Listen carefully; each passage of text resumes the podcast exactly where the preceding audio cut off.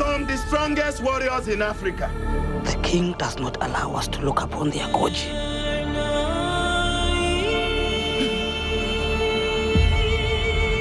They do not know an evil is coming. They know you will protect them. We must fight back for our people. Let it be known to all. We fight not just for today, but for the future. Home.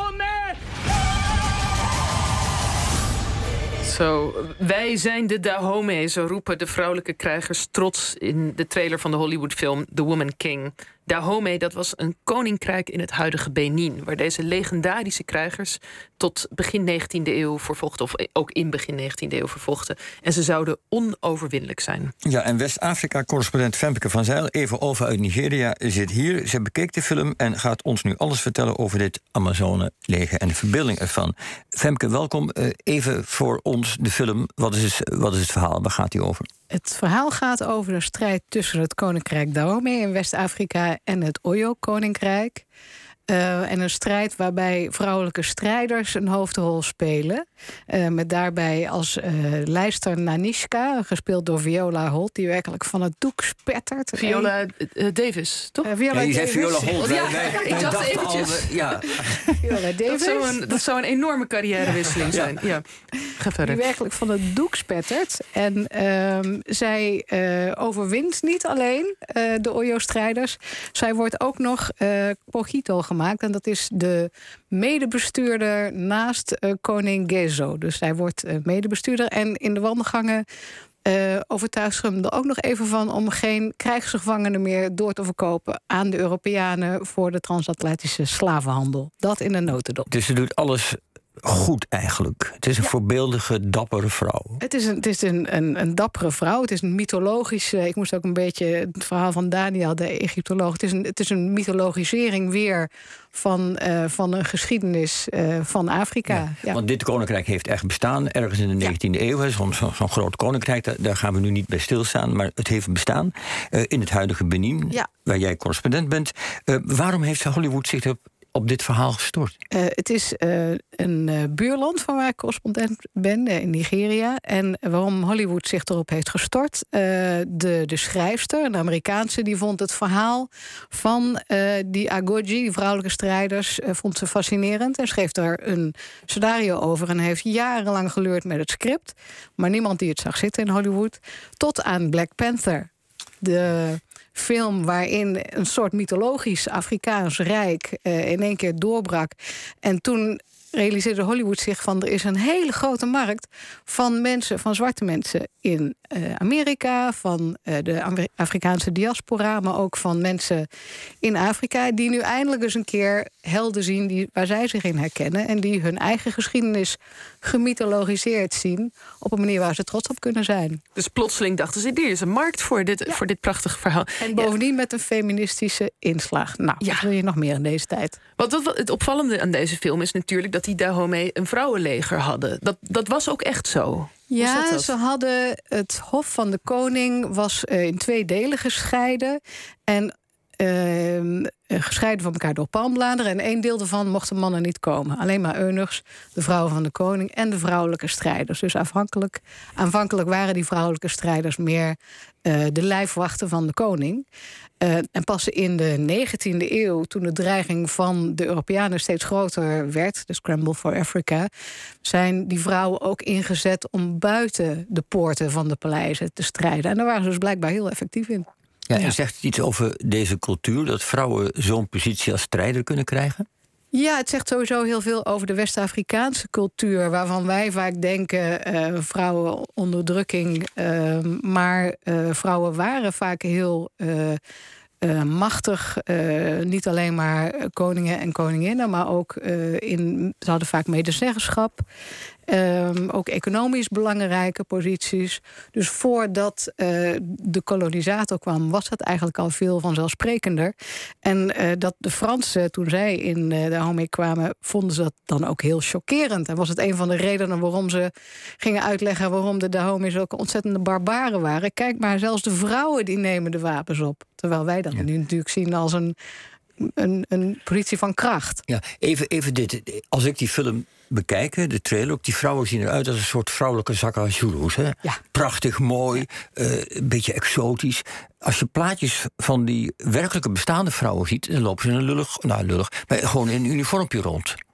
Ja, nou, ze hadden toch wel mooie. Ze hebben wel inderdaad de, de ashoke, de, de, de repen stof waar het van geweven is, traditionele West-Afrikaanse stof.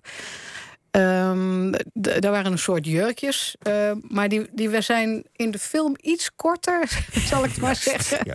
dan, dan ze in werkelijkheid waren. Ja. Maar dat klopt. Ja, en nu ehm, noemde je net ook al eventjes over dat hoofdpersonage... eh, dat zij ook tegen de slavenhandel was... waar haar koninkrijk blijkbaar ook een rol in speelde. Ja. Is dat, dat klinkt als een wat minder fraaie en stoere geschiedenis... om misschien ook mee te nemen in die film... die er juist ook misschien moet zijn... om eindelijk eens een positief beeld Ja.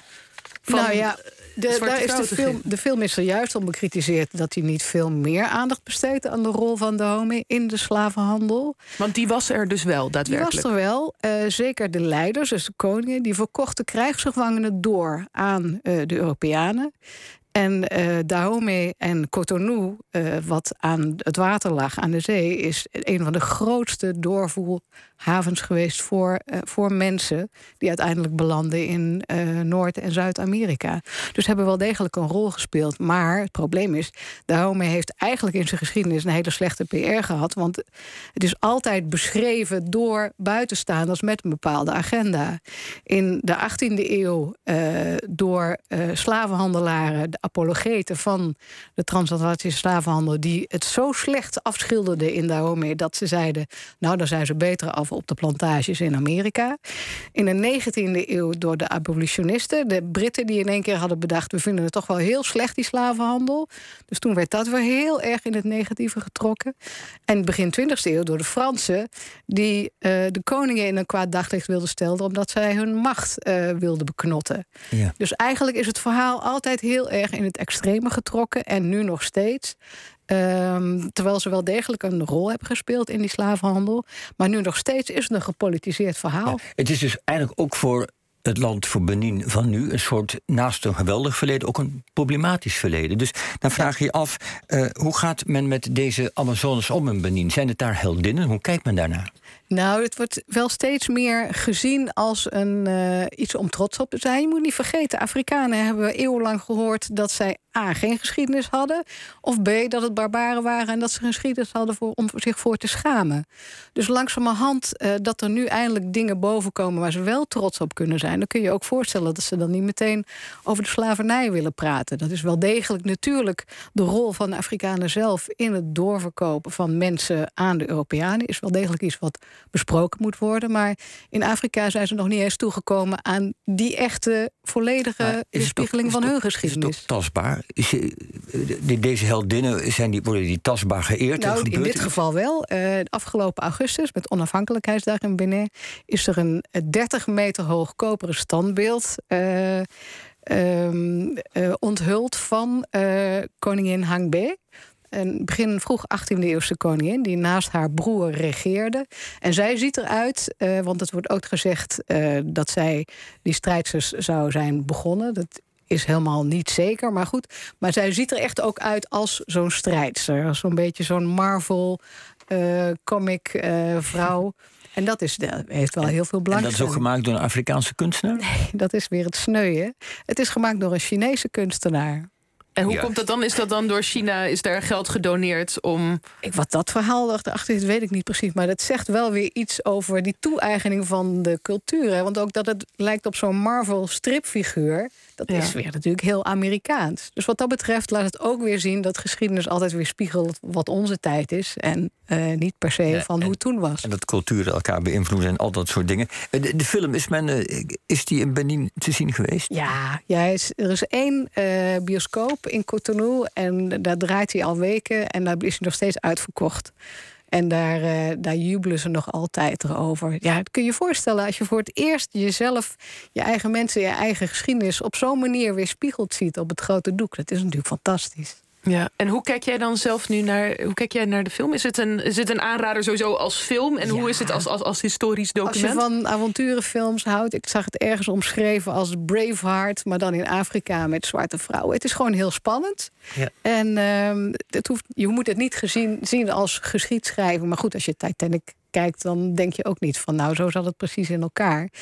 En eh, net zoals nu ehm, de, de opvolger van eh, eh, Black Panther, Shakanda Forever, nu weer in de films komt, ja, eh, in de bioscopen komt. Ik weet gewoon, ze gaan de tenten erbij afbreken. Ja. Zeker in, eh, in Afrika. En dat is wel heel leuk. En wij moeten dus ook gaan, zeg je. Ja, zeker. Ja. Ja. gewoon gaan kijken. En dan kunnen we ons daarna ook nog gaan verdiepen in de, de, de ware geschiedenis erachter als we, als we willen. Femke van Zijl, correspondent West-Afrika, bedankt. En eh The Woman King draait, draait dus in de bioscoop. En dit was het eerste uur